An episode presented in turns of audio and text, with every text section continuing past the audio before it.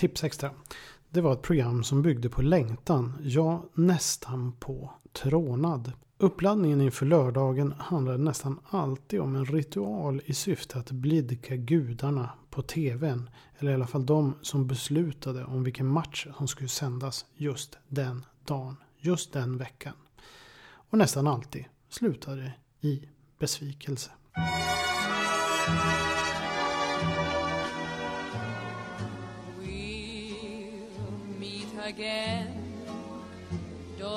Know where, don't know when, but I know we'll meet again some sunny day.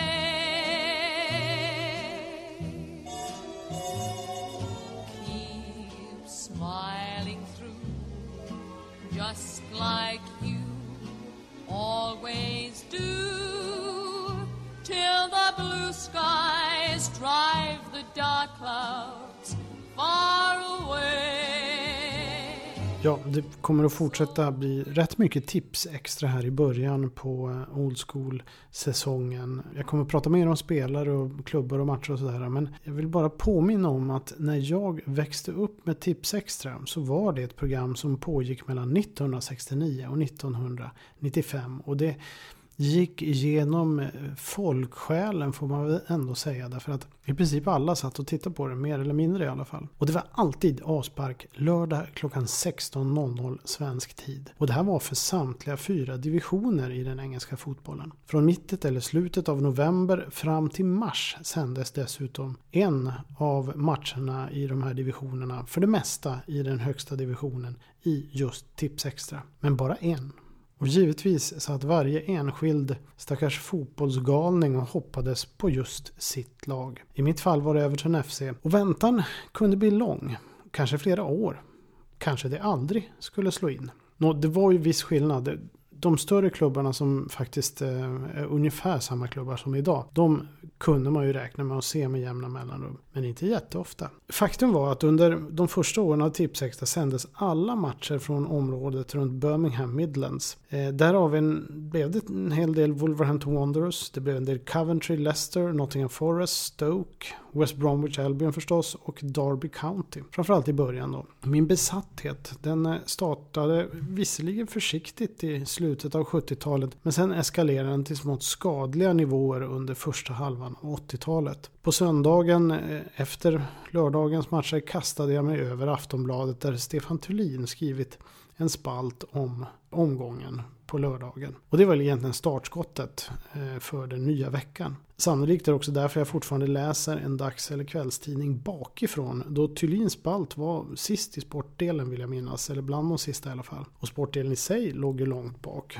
Tror att det bara var tv-tablåer, serier och korsord som låg längre bak än eh, sporten. Möjligtvis i dagstidningarna låg kosserier och sånt där. där men jag kommer inte riktigt ihåg. Sen var det bara att vänta till på tisdag. Måndagen var ju helt värdelös. Då alla tidningar med någon form av självaktning hade en tipsexpert. Och med lite tur så skrevs det kanske något lite om denna magiska fotboll som spelades på de gröna öarna. Men ibland var det bara att man eh, la ut vilka tecken som skulle gälla och vem som var favorit till vinsten. Under tiden fick man läsa i en gammal shoot eller match, alltså i mellantiden när det inte fanns så mycket, så mycket annat. Och de beställde oftast på Pressbyrån och då kom de dit. Sällan aktuella, men det gjorde egentligen inte så mycket. Och eh, man kunde läsa om det två veckor senare. Det var ju ändå mm, mm, information som man strävade efter och jag tyckte det var helt fantastiskt när man fick läsa hela laguppställningar från matcher. Det var ju något unikt och för mig som hade en, har ett visst drag av att gilla att kunna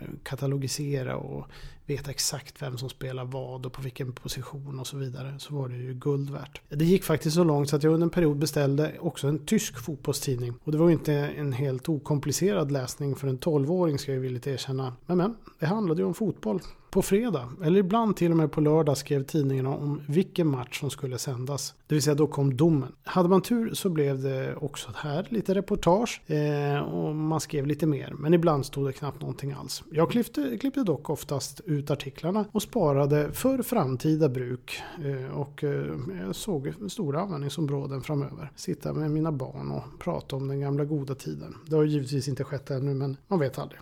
På lördagen startade man morgonen med God morgon Sverige och sedan följde en lång väntan. Inte minst eftersom matchen kunde ändras på grund av dåligt väder. På den tiden hade ju endast ett fåtal planer uppvärmning, så inställda matcher, ja det var inget ovanligt, det hände rätt ofta. Oavsett om ens eget lag ändå var ett av de lag som spelade i tv-rutan så spelade det inte så stor roll. Nervositeten var ju påtaglig eh, inför omgången. Och den var nästan värre om inte något av ens lag spelade. För då hade man bara att lita till det där plinget i rutan som man följde eh, med också en form av besatthet. Och man fruktade ju alltid det värsta, vilket tyvärr också ofta infriades. Travet strax före och i halvtid kändes som en annan lång tortyrsekvens, åtminstone för någon som jag som inte var intresserad av trav. Och så, vid 18-15 tiden var allt över. Man fick samla ihop veckans besvikelse, för det var för det mesta en besvikelse, lyfta blicken från tvn och fundera över hur man skulle finna andra värden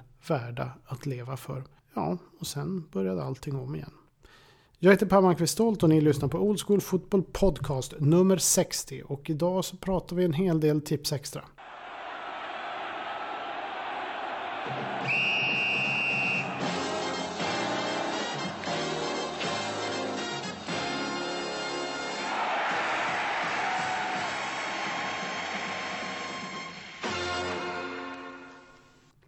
Okej, då är ju frågan eh, hur ofta eller hur sällan fick man uppleva sitt favoritlag?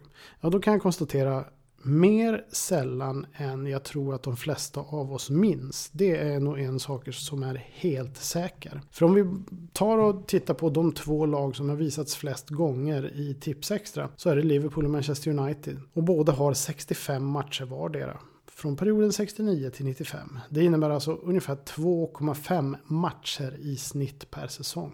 Och just de här två lagen dök också oftast upp ungefär 2,5 matcher per säsong. Sen kommer Arsenal, 2,12 matcher ungefär per säsong. Man ska också vara medveten om att Arsenal hade en period på eh, 70-talet och kanske en bit in på 80-talet när man inte visade sig jätteofta. Men eh, 90-talet under George Graham, då exploderade det. Då visade man supermycket Arsenal. Men ändå, man kunde räkna med Arsenal åtminstone två gånger. Samma sak Tottenham, de hade några matcher färre än Arsenal men åt, det här också ungefär två gånger per säsong. Och det är de fyra mest visade. Och sen kom vi ner på Nottingham Forest med 39 matcher. Och där är det en och en halv match ungefär per säsong. Och då var det ju faktiskt under Nottingham Forest var ju det som var man ju, låg man ju så geografiskt till så att man visade sig ofta i början. Och sen så inträdde Nottingham Forest enda och mest magiska storhetsperiod i slutet, eller under andra halvan slutet av 70-talet, början av 80-talet. Man fortsatte ju sen vara ett topplag egentligen under Brian Clough. Så att Nottingham Forest är ett riktigt tips lag så de kunde man faktiskt räkna med att se ungefär en och en halv gång per säsong. Aston Villa, Everton, Manchester City, alla tre stora lag med 37 matcher vardera. Och de kommer man också räkna med att se ungefär en, en och en halv gång per säsong. Någonstans mellan mitten med en till en och en halv gång per säsong. Men även där fanns det ju långa pauser. Jag vet att City åkte ju ner i, i divisionerna i slutet på tipsextra-perioden. Everton av någon anledning visades inte i början. Nu sänder man ju från Midlandsområdet men Everton var ju faktiskt regerande ligamästare där i början och ett, ett rätt stort lag. Så att några bortamatcher till borde man ha klämt in, men det gjorde man inte. Sen visade man rätt mycket Everton. Aston Villa hade ju också lite problem. Man var ju nere i divisionerna under perioden. Man vann i och för sig också ligan. Så att man var lite upp och ner där. Aston Villa är ju annars ett, ett lag som oftast är i högsta divisionen. Eh, men en liten parentes med Villa är att det är ett av de lag, tror jag, eller kanske det lag som visats flest gånger av de lag som har legat i en division under högsta divisionen. Eh, och det var för att de var en del ligacupfinaler och sånt där när de spelar i lägre divisioner. Ligacupfinaler visas ofta i tips extra. Sen kommer då Chelsea på 28 matcher och det är ungefär en drygt en match i snitt per säsong. Chelsea var också lite jojo-lag så att det var mycket division 2, alltså andra divisionen för, för dem. Så att det gick flera säsonger utan att man såg dem alls. Så att ibland kanske det var kan, mer att det var två gånger när de väl var uppe. Början på tips extra hade de ju riktigt bra lag och visades rätt ofta med Peter Osgood och kompani i spetsen och även i slutet alltså 90-talet var de riktigt bra, visades ofta. Sen kommer Leeds och när vi kommer till Leeds så är det faktiskt så att då har vi under en match per tipssäsong i snitt. Så det är alltså 1, 2, 3, 4, 5, 6, 7, 8, 9 lag bara som kan, man kan säga eh, visas mer än en gång per säsong i snitt i Tipsextra. Och det säger ju en del. Leeds ligger inte där utan 0,92 och där har vi framförallt storhetsperioden under eh, 70-talet. Första halvan av 70-talet. Sen åkte ju de också ur. Wolverhampton, ett klassiskt Tipsextra-lag, visas också eh, någonstans där kring 0,9 gånger, inte fullt en gång per säsong. De var ju också starka under 70-talet. Sen åkte man också ner. Derby County och Stoke kommer sen. 0,85 för båda ungefär. Och de var ju också starka där i början på Tipsextra. Dels därför att de kom från ett område där man visade många, där man visade hemmamatcherna. Men också för att de var bra då. Ipswich West Ham kommer sen. 0,8 båda drygt. Ipswich är ett typiskt Tipsextra-lag. Det var ju som störst under andra halvan av 70-talet och eh, början av 80-talet. Och har aldrig liksom egentligen nått den nivån igen. Man var visserligen ligan på 60-talet men det var innan Tips Extra. West Ham eh, var ju både i division 2 och i högsta divisionen en del. Eh, men man hade ett fantastiskt lag där som bland annat var en FA-cupen och man spelade en ligacupfinal mot Liverpool 1981. Och um, han hade Trevor Brooking, det var många stjärnor. Vad som är lite märkligt med West Ham det är det att de är ett rätt dåligt tipsextra lag. Så inte bara det att de har 21 matcher i tipsextra genom åren. De har dessutom förlorat i princip alla. Jag tror de har tre vinster eller något sånt. De har väldigt få vinster och det är typ 1-0 vinster. Och de kom rätt sent i Tipsextras historia också. Så det är rätt märkligt ändå att de har så många fans i Sverige. Så att ryktet om den fantastiska fotboll som de spelar måste ju ha spritts eh, ganska fritt. Och eh, de här lagen, fram till och med West Ham och Ipswich, de skiljer i boken eh, de 15 mest visade klubbarna i Tipsextras historia. Men det finns ju fler. Coventry hade 19 matcher, alltså 0,7 matcher per säsong. Och var ju också lite av ett tipsextra lag eftersom de var inne i en period där de var med där uppe i högsta divisionen. Och hade en rätt lång svit i högsta divisionen överhuvudtaget. Fascinerande lång svit. Och vann ju även FA-cupen en säsong. Sen har du Southampton, du har Norwich, du har Birmingham City, du har Leicester, du har West Bromwich Albion, Sheffield Wednesday, Newcastle, Queens Park Rangers, Luton, Watford och Blackburn Rovers. Och då kan man säga att Blackburn Rovers var ungefär no, var tredje säsong i snitt som visade drygt. Medan eh, de flesta andra ovan där de visades ju ungefär eh, drygt eh, varannan säsong kan man säga. I snitt ska vi komma ihåg då. Och där har vi liksom klassiska tipsextralag. Norwich flera gånger. West Bromwich Albion associeras ju med en tipsextra med de här fantastiska spelarna som man hade i slutet av 70-talet. Framförallt runt 1979 där med Laurie Cunningham. Eh, Tony Bomber Brown, eh, Brian Robson, en ung Brian Robson, Brennan Botson, eh, målvakten Tony Godden. Du hade ju eh, centerforwarden Cyril Regis. Du hade Peter Barnes också tror jag tagit en fantastisk ytter, Peter Barnes. Men Lauren Cunningham var ju den mest fantastiska av alltså ett, ett, och De har dessutom vunnit den kanske bästa tipsextra matchen i, i historien. Eller den är utsedd till det när de vann borta mot Manchester United med 5-3. 77 eller 78 var det. Det är ju ett klassiskt tipsexlag men ändå inte att de visades sådär jättemånga gånger. Storlag som Queens Park Rangers som jag tror många fastnade för, inte heller sådär fasligt många gånger. Luton, en liten uppstickare som hade fantastiska spelare, bland annat Ricky Hill och Brian Steen och, och sådär på den tiden. Watford med, med en ung John Barnes och Luther Blissett och så vidare. Blackburn var ju mest nere i andra divisionen men jag tror att de fick lite de fick ett antal matcher eftersom de vann ligan sista säsongen som Tipsextra gick. Och det, bara den säsongen tror jag de hade tre matcher. Så det var väldigt lite Blackburn först i slutet. Sen kommer det Crystal Palace. Ett storlag som Middlesbrough har bara nio matcher i Tipsextra. Sunderland, sex matcher bara i Tipsextra. Och det finns andra mindre lag. AFC Bournemouth en gång. Brighton och Hove Albion visades tre gånger endast. Men jag tror det gick rätt bra de gångerna. Ett ändå liksom halvhyfsat tipsexlag är Bristol City som bara visades två gånger. Burnley fyra gånger. Fulham, ett väldigt populärt lag idag två gånger. Huddersfield en. Millwall, också ett populärt lag, tre gånger. Notts County tre gånger. Leighton Orient tre gånger. Peterborough The Posh visade sig en gång och det var när man, jag tror det var 1981 eller något sånt där, eller 82, när man hoppades att de skulle skrälla mot Manchester City i FA-cupen. Portsmouth sex gånger, Sheffield United fem gånger. Det är ändå storlag. Swansea tre gånger men de var inte uppe, de var bara uppe några år men då skrällde de rätt bra. Wimbledon Football Club sex gånger. Också en, en klassiker idag ses det som och som många följer. Men eh, ofta är det ju så att de här lagen som inte har visats många gånger var under den här perioden då givetvis inte uppe i högsta divisionen så ofta. Men summa summarum, hur man än vänder och vrider på det så är det betydligt färre gånger som man har sett sitt favoritlag än vad jag tror att man upplevde. Och det gör ju liksom tipsextra-känslan ännu starkare. För det måste ha varit så viktiga de här matcherna och man måste ha kommit ihåg så mycket från dem. Och sen har det här på något sätt levt vidare. Men det är den eh, krassa verkligheten. Till skillnad mot dagens fotboll där vi kan se allt hela tiden. Men nu, nu är det dags för Old School Fotbolls eget modemagasin. I got life, mother. I got life, sister.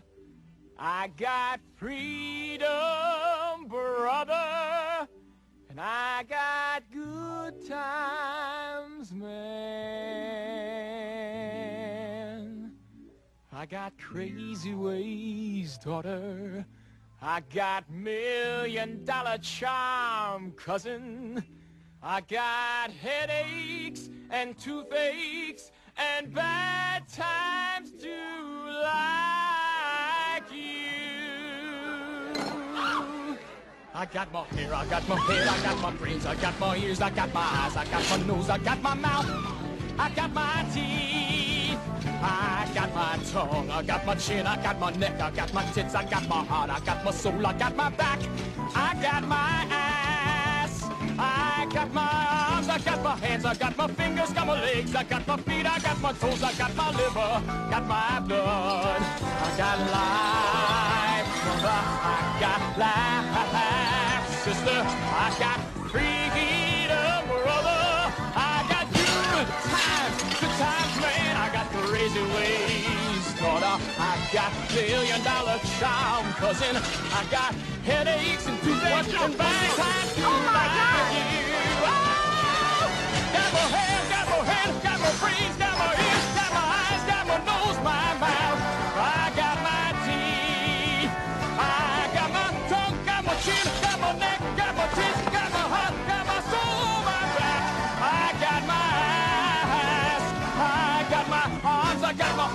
my fingers, got my legs, I got my feet, I got my toes, I got my liver, got my blood, got my guts, got my muscles,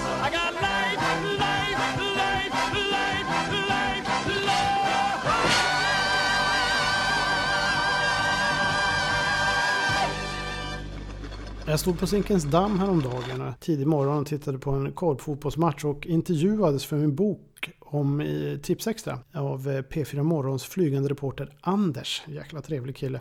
Och givetvis kom vi in på ämnet polisonger och frisyrer under 70-talet. Och det här var ju faktiskt något som jag skrev om i en old school-artikel för ett par år sedan.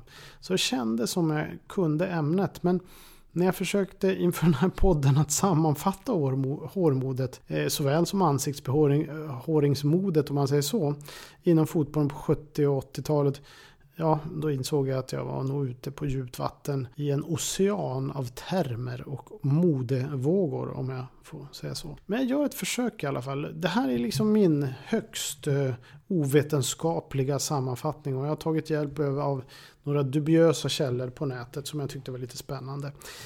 Men om man då börjar, under första halvan av 70-talet intog ansiktsbehåringen nya ytor om man säger så i fotbollsspelarens ansikte och ymniga polisonger i likhet med hur det såg ut faktiskt i mitten av 1800-talet blev en allt kraftigare markering för fotbollsspelare att de hade mer gemensamt med rockstjärnor än andra. Nu vill jag också gå tillbaka lite grann till Abraham Lincoln och hans berömda General Grant. Abraham Lincoln var ju president i USA. General Grant eh, som var general i nordstaterna och sydstaternas taktiska geni, geni General Lee.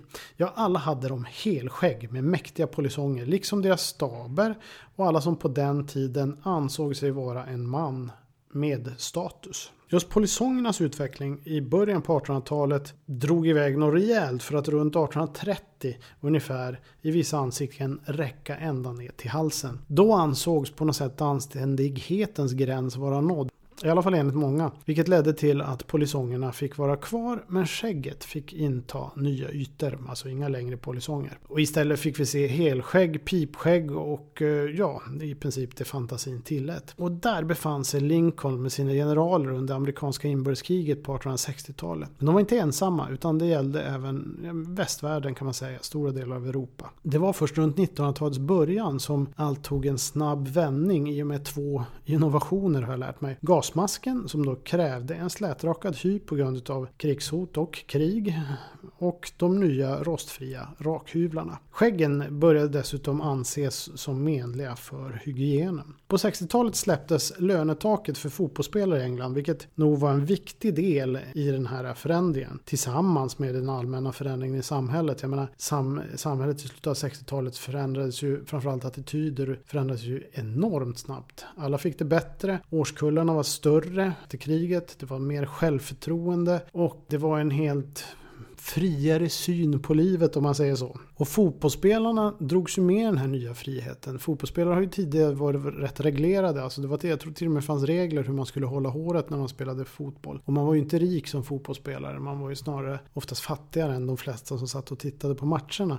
Trots att det ofta var inte alls särskilt mycket folk med höga, in höga inkomster som såg på fotboll då. Det här innebar att även fotbollsspelaren upptäckte att man kunde uttrycka sig mer efter eget huvud och framförallt närma sig rock och modevärlden. För man var var ju lite kändisar, man var ju liksom namn på stan. Manchester Uniteds George Best anses som en föregångare på 60-talet och han struntade i den tidens regler då för hur hår och skägg fick hållas. Men explosionen, den kom på 70-talet.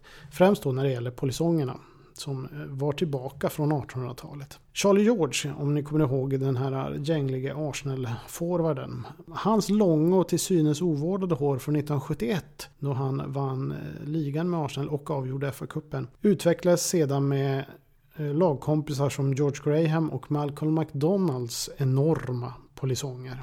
Och under perioden fram till 1977 kan man säga upplevde mod fotbollsvärlden polisongernas absoluta höjdpunkt. Eh, något är faktiskt 1800-talsmannen borde varit stolt över. Ja, ni har säkert sett bilderna på det här. Det finns en del bilder på en eh, polisongprydda människor i, i, min bok om tips extra. Och jag, kanske, jag ska nog lägga ut några stycken också på, på min eh, Old School Facebooks sida. Skillnaden var att polisongerna markerade frihet, kärlek och motstånd mot det etablerade snarare än status som på 1800-talet. Fast det tog ett abrupt slut 1977 och då har jag förstått, det är inte mitt expertområde, men att det var glamrocken som hade skottat väg för punk och disco. Och den tiden fot fotbollsspelare verkade föredra det senare. Vilket ledde in i en ny era med gigantiska, vad jag benämner som pudelfrillor. Och det faktum då att spelarna började permanenta håret. Pudelfrillan kallades också i England för the perm. Här går ju Kevin Keegan, Liverpool, i bräschen och med sig har han sina Liverpool-kamrater som Graham Souness, Ellen Kennedy, Terry McDermott och Phil Thompson. Jag tycker framförallt Phil Thompsons var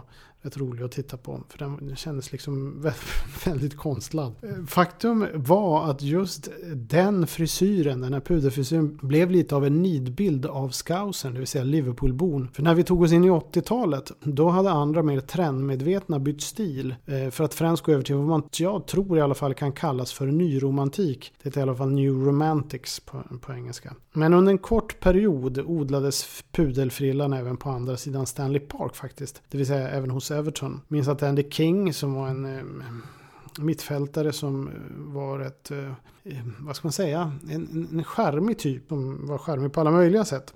Han beklädde sig i denna tillsammans med Aiden Heath, också en glad skit, en forward i, i Everton. John Bailey, en serieskämtare kan man säga, Everton och vänsterback. Eh, som dock alltid hade hävdat att det var hans naturliga lockare, att han aldrig gjorde en, en perm. Forwarden Graham Sharp mittfältaren Kevin Richardson, mittfältaren Gary Stanley och till och med den store centerikonen Bob Latchford skaffade sig The Perm, pudelfrillan. I Everton spelade dessutom under en kort period en kille vid namn Alan Biley eh, som hade en exakt likadan frisyr som Rod Stewart. Den, den, här frisyren har också ett namn, men jag vet inte, kommer inte riktigt ihåg vad den hette. Men man kan väl lugnt säga att Biley skilde sig i mängden med sitt blonda hår och den här oerhört eh, intressanta frisyren. Han var rätt duktig också, fast inte så, så bra när han spelade i Everton. Ja, och i det mer trendmedvetna Arsenal fanns några äkta pärlor hos Alan Sunderland, Graham Ricks och Tommy Caton. Framförallt Alan Sunderlands eh, puderfrilla är ju magnifik. Och till och med mannen som en gång var symbolen för det långa håret och polisongerna, Charlie George,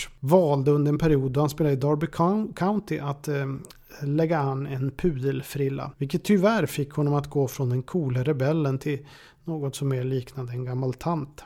Herrar som Keegan, Sunes och Alan Sunderland, de var ju liksom som gjorda för puderfrillan här. Tillsammans med Nottingham Forest, Tony Woodcock också. Just Keegan och Woodcock, de tog med sig frisyren till Västtyskland när eh, Keegan gick ut till Hamburg Sportverein och jag tror att Woodcock gick till FC Köln. Rätt säkert, de var ju rätt bra på den tiden, FC Köln. Och Hamburg var väl typ bäst i Europa. Ehm, och enligt mina källor då på nätet, som man ska vara väldigt medveten om är eh, engelska, eh, cementerades då de här frisyrerna i ett land som återigen enligt de här källorna aldrig kommit ur pudelfrisyren och eh, den där klassiska dörrmattan som exempelvis en Chris Waddle bar senare på 80-talet. Det vi kallar en sån här klassisk hockeyfrilla. Så de menar som att i, i Tyskland så har modet inte utvecklats överhuvudtaget och att man skrattade lite när Keegan och Woodcock kom tillbaka tillbaka.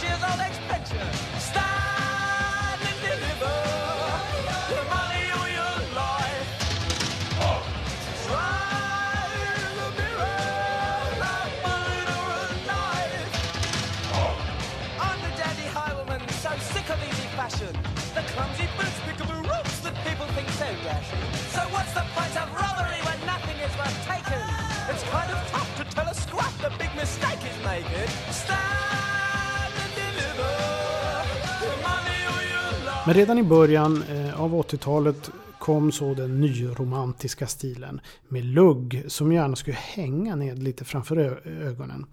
Arsenals omklädningsrum bytte snabbt, ja förutom Tommy Caton då. Eh, och i Liverpool gick det lite för långsamt för att de inte skulle bli förlöjligade. Tyvärr också, Tommy Caton eh, lever ju inte idag. Han dog alldeles för tidigt. En, en rätt stabil mittback som också spelar i Manchester City. Men trots sin korta blomning så har dock pudelfrillan en unik ställning i fotbollshistorien. Inte minst för att den märktes. Men också för att åtminstone jag ofta stöter på ånger och försök till förklaringar i spelarnas självbiografier. Den här frisyren nämns nästan alltid. Bob Latchford till exempel, centern i Everton, ser överhuvudtaget tillbaka på 70 och början av 80-talet med viss förundran över sig själv. Han gick från långt hår med skägg till utan skägg och långt hår samt då denna pudelfrilla. Ett misstag enligt honom själv, alltså pudelfrillan.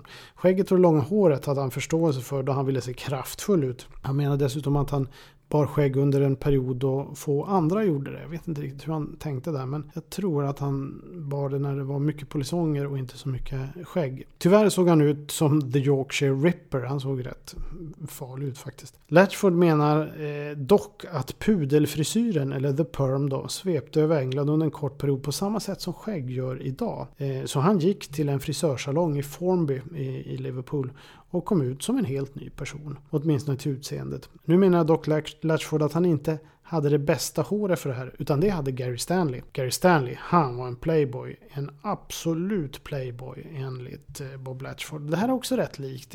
Alla som ska försöka förklara de här frisyrerna eh, hänvisar alltid till att det var någon annan som bar den mycket bättre och att det nästan var ett litet misstag det här. Och att man, ja, man gjorde det. det. Man tänkte inte så mycket på det egentligen, brydde sig inte. Graham Sharp tog sedan över centerpositionen från Latchford i Everton och skulle ta laget in i en ny framgångsera. Men inte utan att skaffa en pudelfrilla. Även här på grund av den kraftiga modevågen då. Enligt Sharp handlar det dock inte om en perm utan en demi-wave, vilket jag inte riktigt vet vad det betyder. Och inledningsvis, inledningsvis tyckte han också att det såg rätt bra ut, även om den rätt snabbt fick ett eget liv och nästan förvildades och växte åt alla möjliga håll och kanter. Faktum var att även West Bromwich och Manchester Uniteds legendar Brian Robson skaffade sig en pudelfrilla under en period.